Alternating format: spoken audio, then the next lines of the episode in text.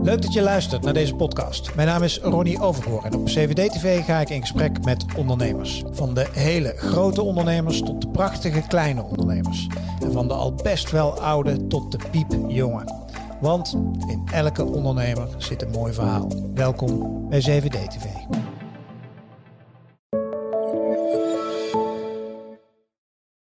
Hij is uh, topondernemer, een bestuurder, investeerder, toezichthouder, adviseur. Hij is vermogend en hij is nu ook auteur van een boek, Groeien als Kool. Reden genoeg eh, voor een gesprek op CVD-TV. Uh, Jordi Kool. Jordi, van harte welkom. Dankjewel. Om te beginnen, wij interviewden jou, uh, ik heb even gekeken, dat is drie jaar geleden al, ja, 2018. Uh, op CWD-TV. En toen was je vrij uh, uh, eerlijk over je diagnose toen van ziekte van Crohn, ook nog reuma en een verhaal van, de, van een tumor. Ja. Hoe is het met je gezondheid nu? Ja, mijn gezondheid is uh, goed onder controle. Ik heb medicatie, niet hele zware medicatie. Ehm, maar op het moment dat ik die wel eens vergeet te nemen, een periode, of als ik veel reis en zeg maar een iets ander leven heb, met name qua voeding, ja dan komt het wel eens terug. Dus ik heb wel eens mindere periodes. Maar het is bijna altijd te correleren aan dat ik niet mijn medicatie heb genomen. Oké, en, en uh, niet aan andere dingen, niet aan dat je te druk bent of het is echt medicatie nu? Ja, ik merk dat het is als ik veel reis, dus niet in Nederland ben, mm -hmm. en dan andere dingen eet. En het lijkt dat mijn lichaam, uh, ja. mijn maag, mijn darmen daar slecht op reageren. Ja. En bijna ja, redelijk allergische aanvallen krijg ik ervan. En als dat te lang duurt en ik gebruik mijn medicatie niet, dan val ik meestal iets terug. En ik zat toevallig, uh, heb ik nu contact met mijn arts mm. vanavond. Dus uh, mm. ik heb wel zo'n periode enige tijd geleden weer gehad. Dus, mm. Maar het is niet, niet zo extreem als het destijds was. Dus uh, het is goed onder controle. En het verhaal van die tumor. Er staat nogmaals, ja. ik, ik, heb je boek doorgebladerd. Ik heb hem maar niet meer neergelegd, want hij is redelijk zeg maar, verneukt. Want ik heb allemaal vouwen en aantekeningen. Dus, ja. dus het boek ziet er niet meer uit. Maar te gek boek.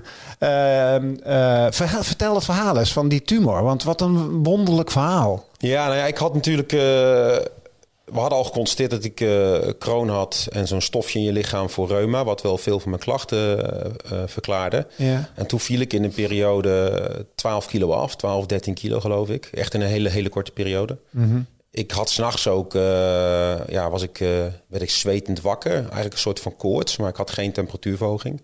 Dan ging ik een keer wegen en toen zag ik dat ik gewoon 4, 5 liter vocht op een nacht verloor. En ik had extreme eh, hoofdpijn en ja, mijn nek uh, deed continu zeer, mijn spieren waren uh, pijnlijk. Ja, en op een gegeven moment moest ik dus door die reguliere controle heen van de scans. Mm. En toen zagen ze daar iets.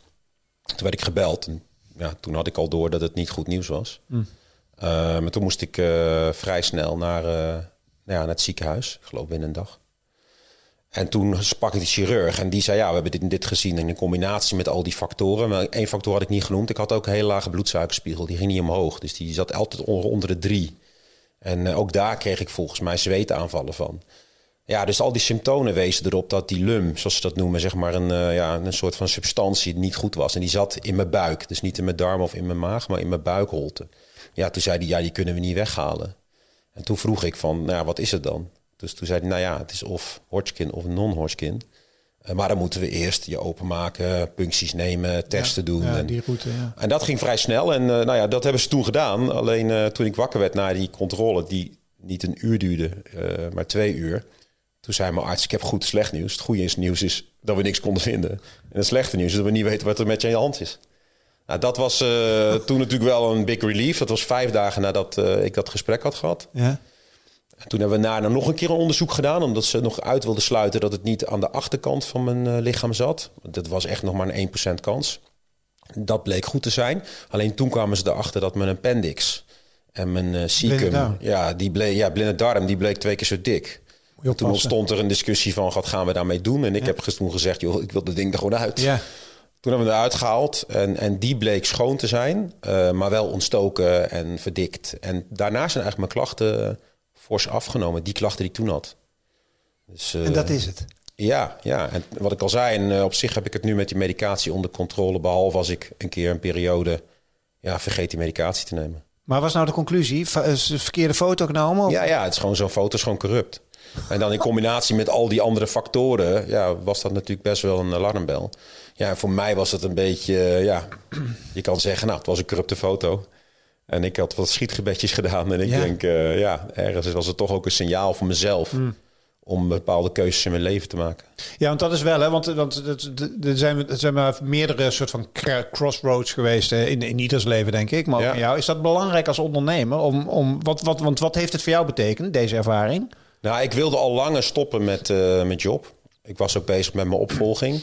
Dat werd niet altijd uh, in heel veel, met heel veel enthousiasme ontvangen. Bij Infoteken voor de ja, ja, mensen? voor de duidelijkheid. Ja, ja. Dus uh, en de private equity investeerder wilde eigenlijk niet dat ik uh, een vervanger ging zoeken. Mm. Ik wilde dat wel, maar goed, dat heb ik dus heel lang uitgesteld. En, en dit was voor mij de druppel die de emmer deed overlopen, waardoor ik heel abrupt zei: En nu ga ik echt stoppen, nu gaan we iemand zoeken. Het heeft nog wel negen maanden geduurd. En ik heb eerder een moment gehad in, in mijn leven, zeg maar, of carrière, dat ik soms te lang doorduwde, doorging. En niet naar alle signalen luisterde. Met je enkels ook? Of met, ja, met mijn enkel bijvoorbeeld, ja. Want je hebt in de marine bij, behoorlijk fanatiek uh, Ja, ik heb op het Kim gezeten. Ik ja. bij opleiding voor officier Corps Mariniers. Daar heb mijn enkelbanden twee keer beschadigd. En uh, ja, de tweede keer klapte ik echt zo gigantisch doorheen en uh, was hij zo dik dat de knop ook omging. Dacht ik ga dit niet nog voor een derde keer doen. Mm. En, en later heb ik dat ook met, met judo. Ik heb redelijk gejudo'd en gejutsu'd met name. En daar gebeurde het ook. Bij drie keer heb ik mijn schouder uh, goed verpest. En uh, een hele lange periode kon ik mijn arm niet optillen. En um, ja, op een gegeven moment heb ik ook daar de knoop gehakt van... ja, weet je, wat probeer ik nou eigenlijk te doen? Ik ben wel leuk met al die toernooien bezig.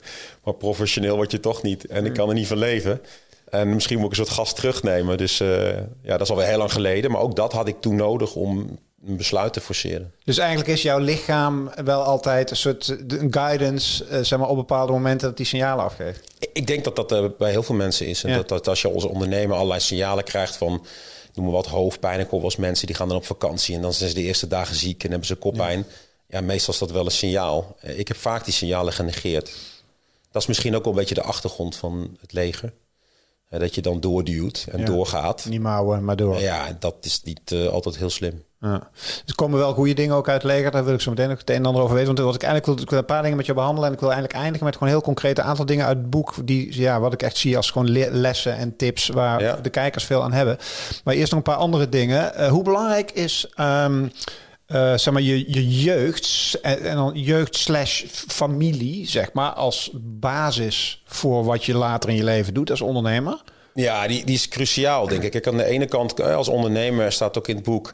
zeiden mijn ouders uh, vaak, uh, ga niet ondernemen... want als je bank roept, dan uh, gaat bij iedereen dak eraf. Ja. Oftewel, dan sta je onder, onder de schulden, noem ja. ik het maar even. Je ouders waren geen ondernemers? Ze waren geen ondernemers, dus dat heeft me niet echt gestimuleerd. Maar ik kom wel uit een, ja, uit een, een hecht gezin... waar mijn ouders alles gedaan hebben om ons te laten studeren. Mm -hmm. Ook altijd voor ons waren. Wie is ons?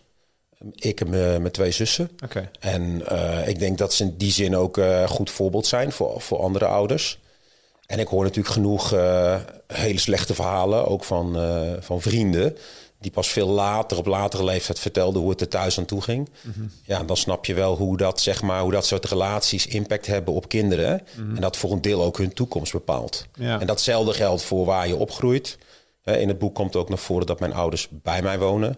Ja, dat is bij ja. ons heel normaal, want mijn opa is ook door mijn ouders verzorgd. En in de andere kant van de familie is dat eigenlijk ook zo, woont ook iedereen in de buurt. Dus voor mij was dat iets vanzelfsprekends. Mm -hmm. En ik, ja, ik vind het ook hartstikke leuk. Dus uh, ze wonen echt heel dichtbij. Dus op ja, het terrein noem ik het maar. Maar ik, ja. het is, kan ze een week niet zien, maar kan ook zo uh, in één keer naar binnen lopen. En je doet zaken met je schoonmoeder, hè? Ja. Dat, dat, zullen ook verschillende mensen denken van, moet je dat nou wel doen? Ja. Maar het is eigenlijk best wel een belangrijk. Want ze stond bij, tenminste als het gaat, want je ja. hebt wel wat in vastgoed gedaan en zo. Ja. Maar vertel eens wat daar die relatie is. Nou, ik kende mijn, mijn schoonmoeder van de sportschool. Zo heb ik ook mijn vrouw leren kennen. En uh, mijn schoonmoeder heeft uh, heel lang bij de universiteit gewerkt. En daar is ze in een reorganisatie uh, is, weggegaan. Nou, dat is op, ook op een leeftijd. Hè. Dat is ook wel eens een ding. Als werkgever moet je er goed over nadenken... dat je niet meer zomaar even aan de bak komt. Ja. Toen heeft ze een nieuwe studie gedaan uh, als uh, taxateur. En, uh, en toen zijn we samen in het vastgoed begonnen, eigenlijk met een eerste huisje in Zwitserland. En daarna een tweede en een derde en een vierde. En, um, Totdat je het hele dorp had. Zeg maar. Ja, bijna. nou ja, daar kwam ik. Nee, maar dat was wel grappig ook. Want daar, zij had een bepaalde leeftijd dat ze op een gegeven moment naar acht huurwoningen niet meer verder wilde. En ik wel. En, maar goed, ik ben niet echt van de operatie. Dus ik heb wel echt mensen om me nodig. Dus toen heb ik besloten van oké, okay, dat ga ik niet pushen, dit houden we zo. Mm. En dat hebben we een paar jaar geleden allemaal verkocht, omdat ze nu weer in, uh, in Nederland wonen. Goed dus gedaan, was, goede keuze geweest, niet om te verkopen. Achteraf gezien had ik het beter kunnen houden en nu kunnen verkopen. Maar uh, op het moment dat er iemand niet is en die het niet managt, dan uh, gaat zo'n woning, gaan die woningen verpauperen. Dus mm. nee, ik heb geen spijt van. En nooit bang geweest dat de relatie, want het is best, ik bedoel, ondernemen kan ook fout gaan en je kan ruzies krijgen en weet ik wat. Maar dat is met schoonmoeder nooit gebeurd. Nee, nee, nee, maar ook niet met vrienden. Ik heb ook denk ik veel vrienden overgehouden aan, nou, niet denk ik, dat weet ik, aan, aan mijn zakelijke avonturen. Ja. En uh, ik denk als je altijd uh, open, eerlijk en direct bent en je omringt je ook met mensen die dat prettig vinden, die daarmee om kunnen gaan, dan uh, pakt dat eigenlijk altijd goed uit. Ja. Dus ook nu, ik ben nu best wel in wat andere bedrijven actief.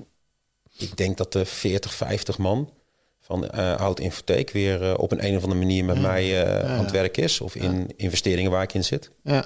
ja, ik denk dat Infotheek het verhaal langzamerhand wel bekend is. En voor mensen die nu kijken en denken van oh, voor mij niet. Nou, dan moet je maar even googlen of kijken het, het, het andere gesprek hierboven op 7D TV. Wat ik nu interessant vind, een van de ondernemingen waar je nu mee bezig bent, is de Urban Gym Group. Ja. vertel eens.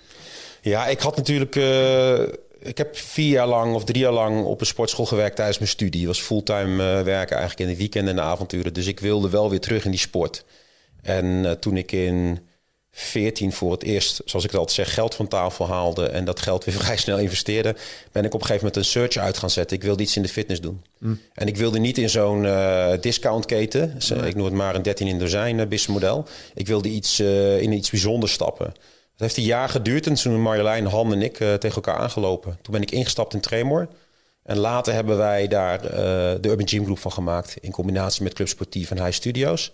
En inmiddels is het een groep die zich focust met name op de urban inner cities. En dan uh, primair Amsterdam, maar we zijn ook actief in Groningen, Rotterdam en Utrecht. Mm -hmm. Waar jonge mensen zitten ook? Ja, waar de focus, de doelgroep is eigenlijk 18 tot 35 jaar. En dan volgt meestal de doelgroep daarna tot 45 ook wel. Als die het leuk vinden om hè, in, in zo'nzelfde omgeving te verkeren. Mm -hmm. En dat doen we met zo'n achttal verschillende fitnessconcepten. Uh, en we zijn wat dat betreft niet een 13 in het dozijn. We hebben acht eh, verschillende businessmodellen, maar wel voor dezelfde doelgroep. Allemaal in de inner cities. Dat is de rode draad ook van de groep, zeg maar? Ja, dat is de rode draad. En ook bewust.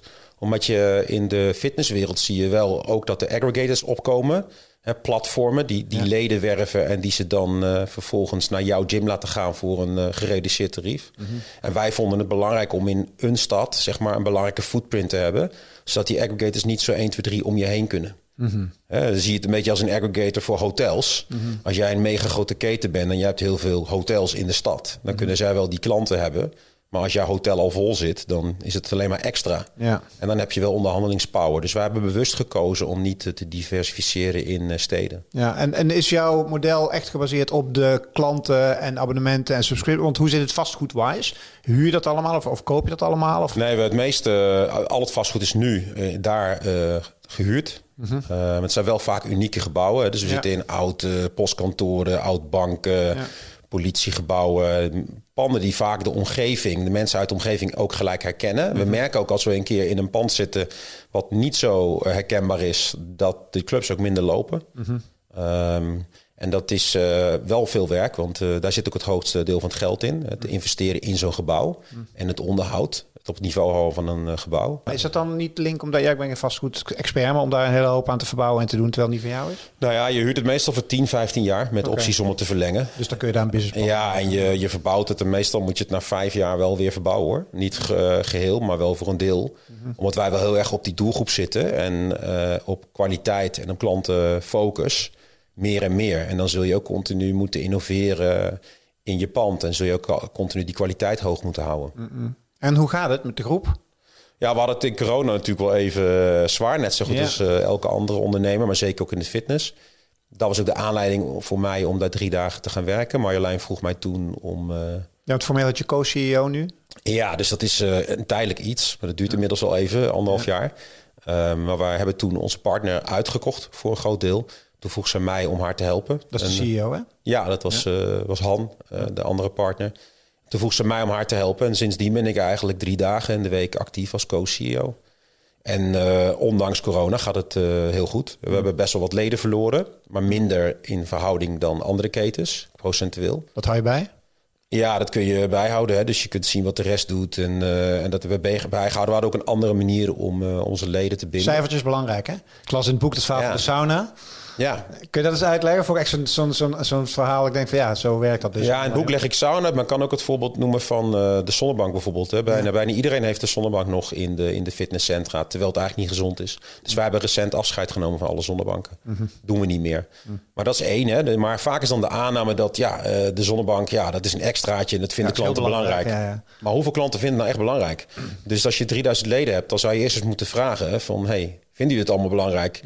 En want vaak kun je het niet met trekken en tracen, omdat je er dan, het zit in je abonnement, je kunt erin lopen. Ja. En als je geen boekingssysteem hebt, of je hebt geen codesysteem, dan weet je dus niet hoeveel mensen er echt naartoe gaan. Ja. Als je ook de vraag niet stelt, stel dat we het niet hadden, was je dan ergens anders gaan trainen, weet je dat ook niet. Mm. Dus ik zit wel heel erg op al die aannames. Mm. Uh, of het nou een sauna is, of we moeten tien loopbanden hebben, of de... Dat jij doorvraagt van... Doorvragen, en, ja, en wij komen nu tot de conclusie dat een gym er toch anders uit gaat zien dan in het verleden. Mm -hmm. En uh, dat is onder andere niet per definitie altijd de sauna, uh, geen zonnebanken, uh, personal trainers in eigen dienst. Ja, kan je in eigen dienst doen? Ja, dat zijn we al aan het doen. Dus okay. we hebben inmiddels 20 man in eigen dienst en dat wordt alleen maar groter. Aha. Omdat we denken dat we op die manier de kwaliteit beter kunnen borgen. Hm. En ze zich ook meer onderdeel voelen van de groep moet je wel concurreren met freelance tarieven natuurlijk. Want dat is waarom veel personal trainers natuurlijk freelancen. Ja, ja, ja klopt. Ja. ja, en, die, en die, hebben ook bestaansrechten. Ja. Uh, en die uh, zijn nu nog wel actief in de club, maar dat loopt op een gegeven moment af. Mm. En dan zullen ze ongetwijfeld elders aan de slag gaan. Je ziet ook steeds meer klein, kleinere boxen of kleinere gyms ontstaan met personal trainers. Dus we hebben zeker wel uh, bestaansrecht. Alleen wij willen, als we op die kwaliteit gaan zitten, ja, willen we toch met eigen mensen werken. Ja, en dan kan me voorstellen dat je consistentie wil. Dus dat je, zeg maar, dat is, dat is ook een beetje hetzelfde werken. Kan me ook voorstellen. Dat is wel belangrijk, ja. Dat is een, uh, een van de voorbeelden. Ja. Um, wat doe je nog meer? Want je bent, je bent redelijk vermogend, hè, volgens mij.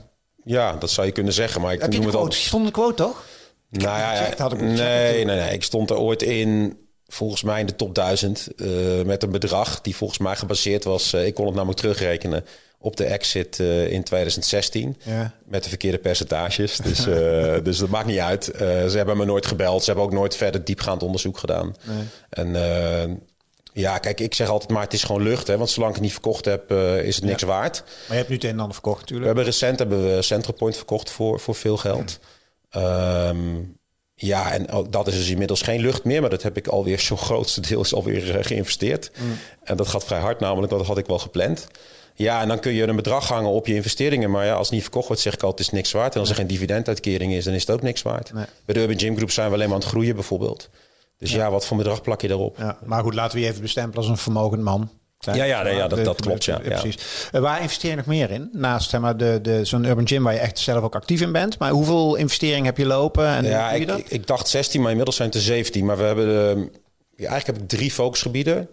Eén uh, is uh, waar ik van oudsher actief in ben sinds 98 is telecom, IT en media. Ja. Daar zitten nog mijn grootste investeringen. Daar word ik ook regelmatig gevraagd voor adviesklussen of meekijken met uh, due diligence van uh, private equity. Ja. Ben ik nu met een co-investering bezig met een partij. Mm. Dat vind ik nog wel leuk. Mm -hmm. um, eigenlijk waar mijn grootste passie zit is alles rondom sport, fitness, health en wellness. Ja. Daar doe ik steeds meer mee.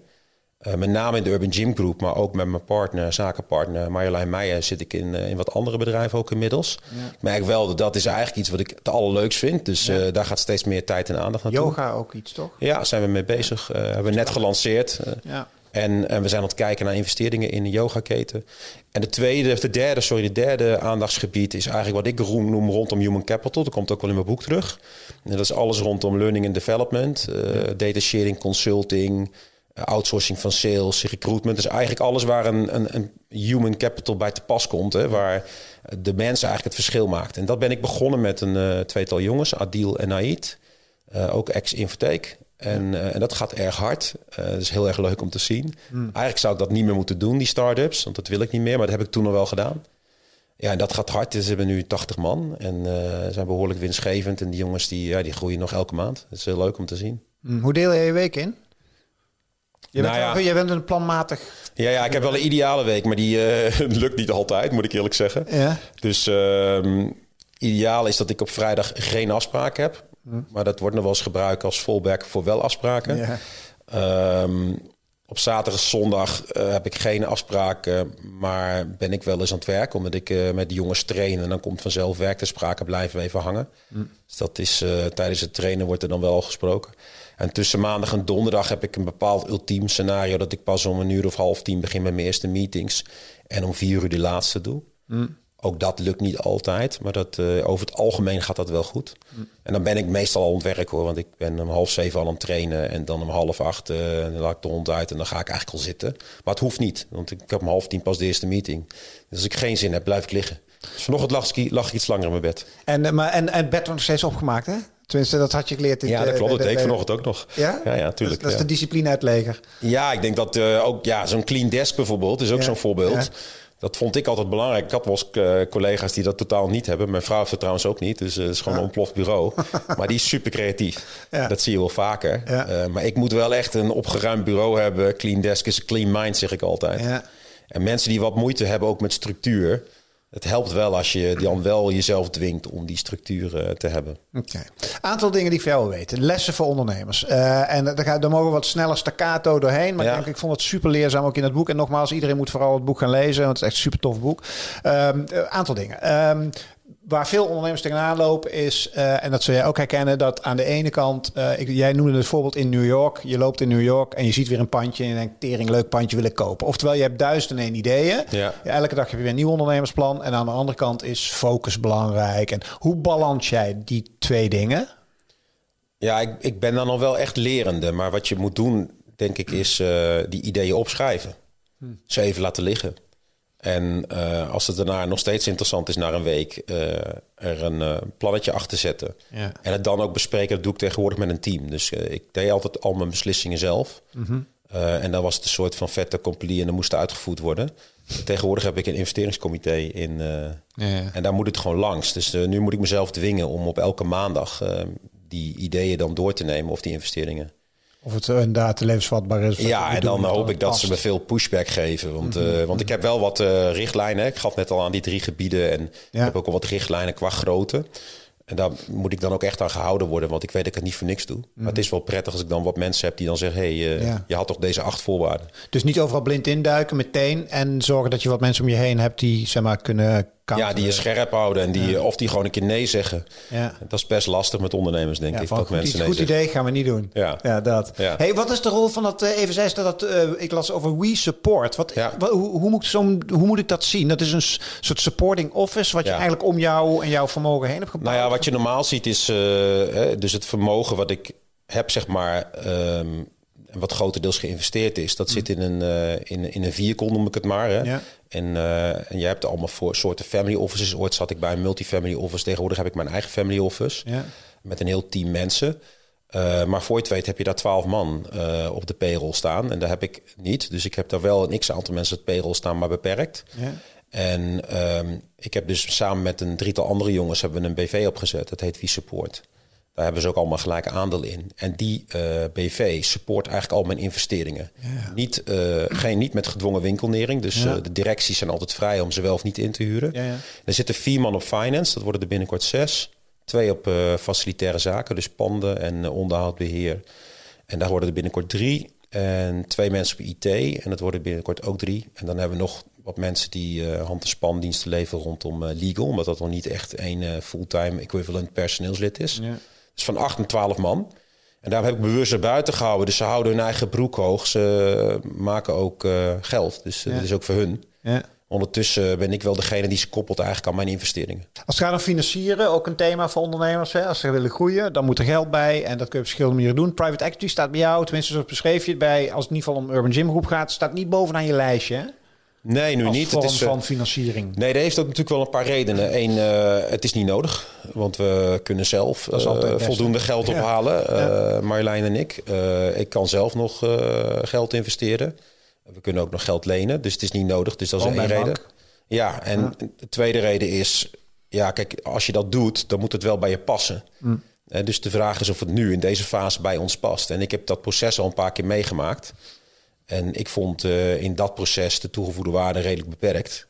En ik vraag me af of uh, dat ons nu gaat helpen. Dus op dit moment staat het niet bovenaan ons lijstje. Gaan we gewoon zelfstandig verder. Ja, dat... wil niet zeggen dat we niet voor weglopen, maar ik zie het nu niet gebeuren. Visualiseren komt een aantal keren terug in jouw boek. Uh, kun je vertellen wat je, hoe belangrijk dat voor jou is? Ik denk dat voor dat veel voor ondernemers namelijk super interessant kan zijn. Ja, topsporters doen het bijna allemaal. Hè? Dus je wedstrijd visualiseren. En ik heb wel van die momenten. Vroeger ging ik bijvoorbeeld naar Zwitserland en dan zat ik altijd op een trapje in de tuin. En uh, daar visualiseerde ik wel wat ik allemaal van plan was. Of, nou, liet ik mijn gedachten de vrije gang gaan rond een bepaald onderwerp. Mm Meestal schrijf ik het daarna allemaal uit. Uh, en dat in je hoofd hebben van, nou bijvoorbeeld, uh, we zijn nu aan het onderzoeken of we de Urban Gym Group naar een ander land gaan brengen, naar één specifieke stad. Ja, dan als ik even de tijd heb en in de stoel zit, dan uh, denk ik daarover na of dan droom ik daarover weg. En dan schrijf ik het vervolgens uit en dan komen er alle acties uit en dan ga ik daarmee aan de slag. Krijg je het self-fulfilling prophecy misschien wel dan of zo? Ik denk wel dat uh, alles wat je maar vaak genoeg herhaalt, hè, is een soort van mantra. En, en met elkaar waarheid. wordt meestal wel waarheid. Ja, ook slechte dingen helaas. Ja, ja, ja, dus, ja, ja, het kan, ja precies. Je moet wel positief doen. En bij, ja. welke stad wordt het? Of is dat nog onbekend? Nee, is nog onbekend, maar we zijn wel een stad aan het, uh, aan het onderzoeken. In Europa? ja, in Europa. Ja, ja. Binnenkort gaan we er naartoe. Dus ook dat is leuk. Weet je, hebben we weer studenten uh, betrokken uh, die hun scripties daar uh, op schrijven. En we hebben personeel betrokken die het leuk vinden om mee te kijken. Dus het is echt wel een, een team effort. Grappig. En, en ik moet er ook echt naartoe. Dus en ik, toevallig ben ik er al actief. Dus, uh, maar goed, ik ben actief in heel veel uh, grote dus steden dus, met nou, uh, mensen, oude infotheek. Mensen, mensen, mogen, mensen mogen raden. Ja. leiding geven. wat ik las was dat oud-mariniers... Hè, je hebt natuurlijk de Corps Mariniers opleidingen doorlopen en zo. Ehm, de, aan de ene kant super autoritair... maar toch worden het vaak ook in het bedrijfsleven goede leiders. Hè? Of succesvolle mm -hmm. leiders. Of ja. een aantal mensen uit jouw naaste omgeving. Ehm, hoe, kon, hoe kan dat? Dat ja, ik denk dat autoritair is, is, is de vraag dat zo is. Want ja, precies. Een... Autoritair niet het goede woord, maar het is wel redelijk directief. Ja, het kan directief zijn als het erop aankomt, zeg ik ja. altijd. Dus ja. uh, in principe zijn het denk ik hele goede people managers en, en, en, en, en, leiders. Anders zit je ook niet op zo'n rol. Dus, uh, en wat je ziet is dat er heel veel gebruik gemaakt wordt van alle kennis en ervaring van de, de manschappen en de, aan de onderofficieren. Die gewoon gigantisch veel ervaring hebben. En dat moet je in een bedrijf ook doen. Mm. En daar zijn ze denk ik uh, steen goed in. Daarnaast zijn ze, ik zeg altijd, uh, heel goed uh, voorbereid. voorbereiding is het halve werk. Gedisciplineerd, gestructureerd. Ja. wat personeel ook vaak prettig vindt. Hè, als je structuur hebt en heel duidelijk bent, dit wel, dit niet. Want ja. vaak is het prettig om te weten wat er niet kan, dan dat het maar een beetje vaag in die open blijft. Dus wat dat betreft denk ik dat er heel veel gedrag in ze zit of aangeleerd is, wat super leer, handig is in, een, in het gunnen van een bedrijf. Wat zijn jouw lessen als het gaat om ja, zowel talent spotten als met name ook denk ik talent behouden? Uh, wat is daar belangrijk in? Ja, kijk, talent spotten is niet het cv uh, aflopen en nee, uh, die universitaire opleiding. Ik zat altijd heel erg op de persoon. Waar kwamen ze vandaan en wat hadden ze allemaal al meegemaakt en hoe zijn ze daarmee omgegaan?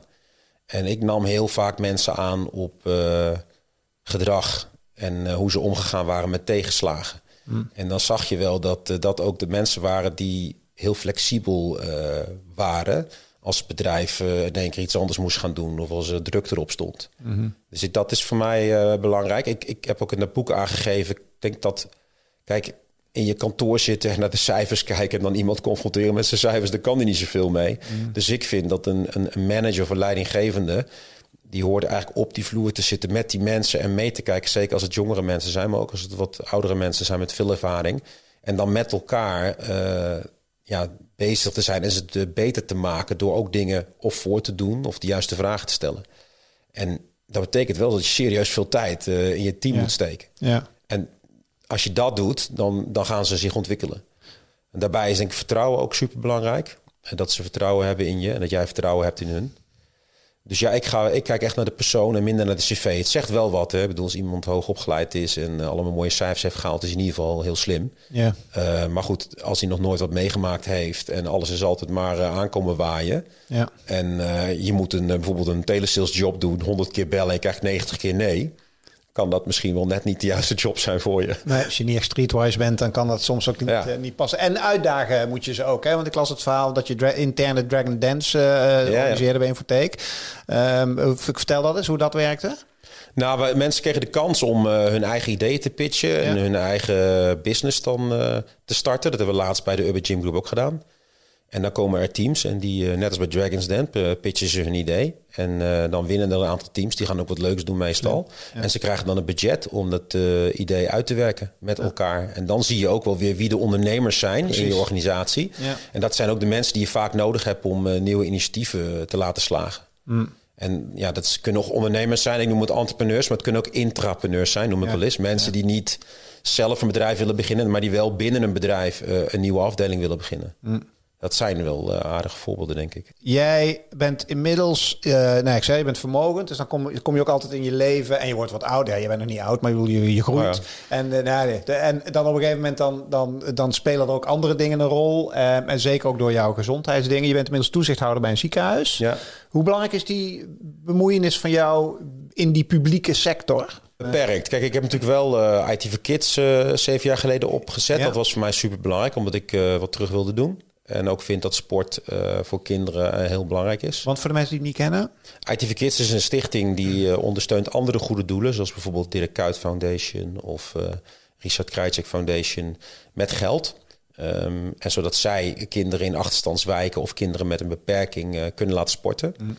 Dat is super belangrijk dat die kinderen kunnen sporten, want daar doen ze sociale skills op, uh, doorzettingsvermogen, dus leren omgaan met uh, andere kinderen. Nou ja, dat, dat is voor ons uh, eigenlijk de drijfveer om die stichting op te zetten. En die stichting haalt zijn geld op met gala's, even evenementen. In maar de IT-sector eigenlijk? Ja, en maar voornamelijk halen we ons geld op met het ophalen van gebruikte IT-goederen. En de waarde van zo'n notebook of een desktop of een scherm, die wordt gedoneerd aan dat goede doel. Hm. Dat is wat wij doen. Hoeveel gaat er doorheen inmiddels, die stichting? Ja, een kleine, niet in corona, maar daarvoor was het een klein miljoen. Hm. Ging uh, hard naar de miljoen. Dus uh, waarvan uh, een groot deel komt van de Galas evenementen. En het andere grote deel is eigenlijk de inruil van gebruikte goederen. Hm. Geleerd binnen de burelen van Infotheek natuurlijk. Ja, en, ja. en gedacht van waarom halen we dat niet eerst op met een stichting en laten we die stichting het dan verkopen en die waarde gaat dan naar die goede doelen. Ja, simpel. Dat gaat goed, dus uh, zit er inmiddels uh, een vaste crew op. En zou je meer willen doen in die publieke sector zelf? Nou, ik heb dat natuurlijk wel, uh, ben ik wel mee gestart hè, bij, het ziekenhuis onder andere. En ik denk niet dat ik vijf van dat soort rollen moet doen en daar mijn week mee moet vullen. Dus ik denk dat ik dat goed moet balanceren.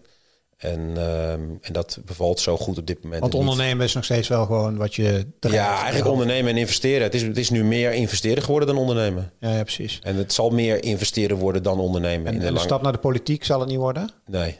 Nooit? Nee, dat is niks voor mij.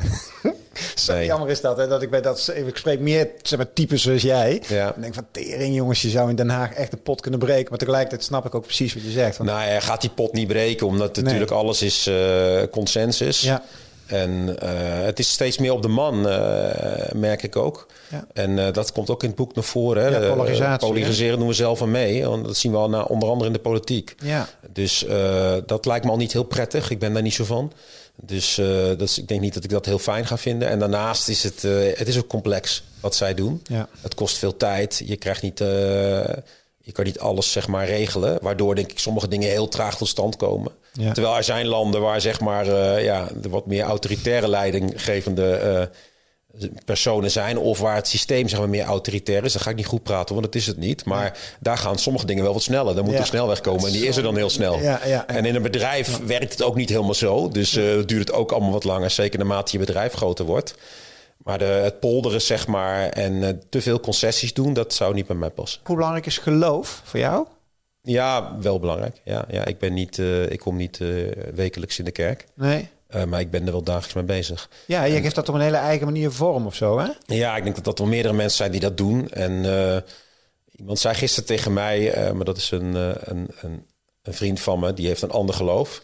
En, en die zei, ja, het is eigenlijk een soort van handleidingen zo'n Koran of de Torah of de Bijbel. Ja. En gebruiksaanwijzing van hoe je zou moeten leven. En, en dat is met name wat ik eruit haal. En er staan zeg maar eeuwenoude lessen in. Uh, hoe je met elkaar om zou kunnen gaan of moeten gaan. Dus maar net hoe je het wil interpreteren. Ja, ja. En, en die verhalen en die lezingen en die lessen, die zijn denk ik super interessant. Want je leest elke dag een stukje of zoiets las ik? Ja, elke dag komt er een appje bij mij binnen. Dus ik doe niet zo heel veel met apps en die lees ik dan. Ja. En daar haal ik dan wel inspiratie uit. Een soort quote of korte verhaaltjes uit de Bijbel? Ja, uit de Bijbel. En dan ook vaak heel, de, heel logisch uitgelegd. Wel Engelstalig. Maar heel logisch uitgelegd met videootjes. En, en daar haal ik dan wel weer inspiratie uit. En ik, uh, ja, wat ik al zei, het is een soort van handleiding van hoe je je leven zou kunnen leiden. Want, uh, ja, want er zijn natuurlijk heel veel mensen die, die datzelfde denken, maar het dan op een andere manier invullen, waar we natuurlijk met z'n allen niet vrolijk voor Nee, hè? daarom. Maar je moet, jezelf, uh, je moet zelf je eigen keuze maken erin. Dat is het, hè, denk ik. Ja. Ah. Dus ik probeer in ieder geval voor mij de goede dingen uit te halen. Ja. Het staat op je lijstje voor de komende jaren. Zijn er nog dingen die we gemist hebben? Of uh, is het voorlopig zeg maar, deze agenda en verder uitrollen? Nou, ik ben meer meer aan het focussen op investeren. Dus het zal ook meer in de hoek gaan van eh, co-investeren. Dat heeft ook te maken met de laatste exit. Die was behoorlijk substantieel. Ja. En uh, waardoor ik ook logischerwijs grotere investeringen kan en wil doen. Wat is substantieel? Ja, nou ja, de Central Point, dat is bekend hoor. Dus ik kan ik je gewoon zeggen, die is verkocht voor 425 miljoen. Mm. Dus uh, en nou, dan moet iemand maar rekenwerk doen. Dus Hoeveel jij ervan hebt gekregen? Ja, dat is verder niet spannend. Maar ik heb het wel een deel al geïnvesteerd. Mm -hmm. En wat ik zei, daardoor komen nu de grotere investeringen ook in beeld. Maar die liggen vaak toch wel in de route van wat grotere private equity uh, partijen. En het is voor mij interessant om met hun uh, co-investeringen te doen. Dan sta ik ook wat meer op afstand. Ben ik nog wel actief betrokken. Maar ben ik wat meer op afstand. Dat ik denk dat ik maar wat is vijf... drijfveer daarvan? Nou, maar ik, als ik vooruit kijk, nu vind ik het leuk om actief betrokken te zijn. Ja. Maar als ik vijf of tien jaar vooruit kijk, dan ben ik 57. Hm. En ik heb geen opvolger. En ik ga ook niet verwachten dat uh, mijn dochter uh, mijn werk gaat doen. Hm. Um, dus dat wil ik ook niet. Dus uh, moet zelf maar de eigen weg vinden. Dus dat betekent dat als ik er nu over na moet denken, betekent dat ik nu al keus moet maken in investering waarbij ik meer op afstand sta. Want als ik alleen maar investeringen doe waarbij ik actief betrokken ben, een dag per week, ja, je bent niet binnen twee, drie jaar uit een investering. Nee, wat ik alleen bedoel is dat als je alleen maar voor dat soort grote bedragen gaat investeren, dan zou je kunnen zeggen, ja, dat levert dan nog meer geld op. En wat moet je ermee of zo? Je zou, snap je? Ja, nou, dat heb ik wel een uh, bepaalde mening over. Hè. Dus uh, dat noem ik maar goed rentmeesterschap. Ook dat komt uit bepaalde boeken naar voren. Ja. Dus uh, als je 200 euro hebt, noem ik het maar. En, en je weet dat je gemiddelde rendement 4, 5, 6 procent is. Dan moet je 10 euro kunnen maken per jaar. Nou, als je die 10 euro maakt en, en je zegt, nou een deel spaar ik daarvan. En een deel gaat naar een goed doel.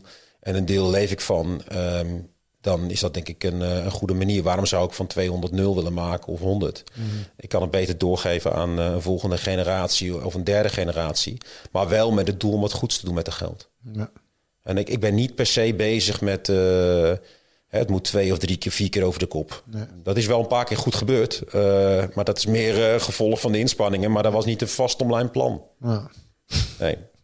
Pak je dank voor dit gesprek. Ja, graag. Dankjewel. En uh, dankjewel voor het uh, kijken. En als je hebt zitten luisteren naar de podcast, dankjewel voor het luisteren. En nogmaals, lees vooral zijn boek Groeien als Kool. Kijk hierboven voor het vorige interview wat we met hem hadden. en als je dit soort gesprekken leuk vindt, blijf vooral op YouTube even hangen. Zometeen twee nieuwe. Dankjewel. Hoi. Wil je meer van deze ondernemersverhalen horen? Volg dan de podcast van 7D-TV. En ben jij meer van de video's? Weet dan dat alle 7D-TV-gesprekken als video te zien zijn op YouTube. Voor nu, dankjewel voor het luisteren en heel graag tot een volgend gesprek op 7D-TV.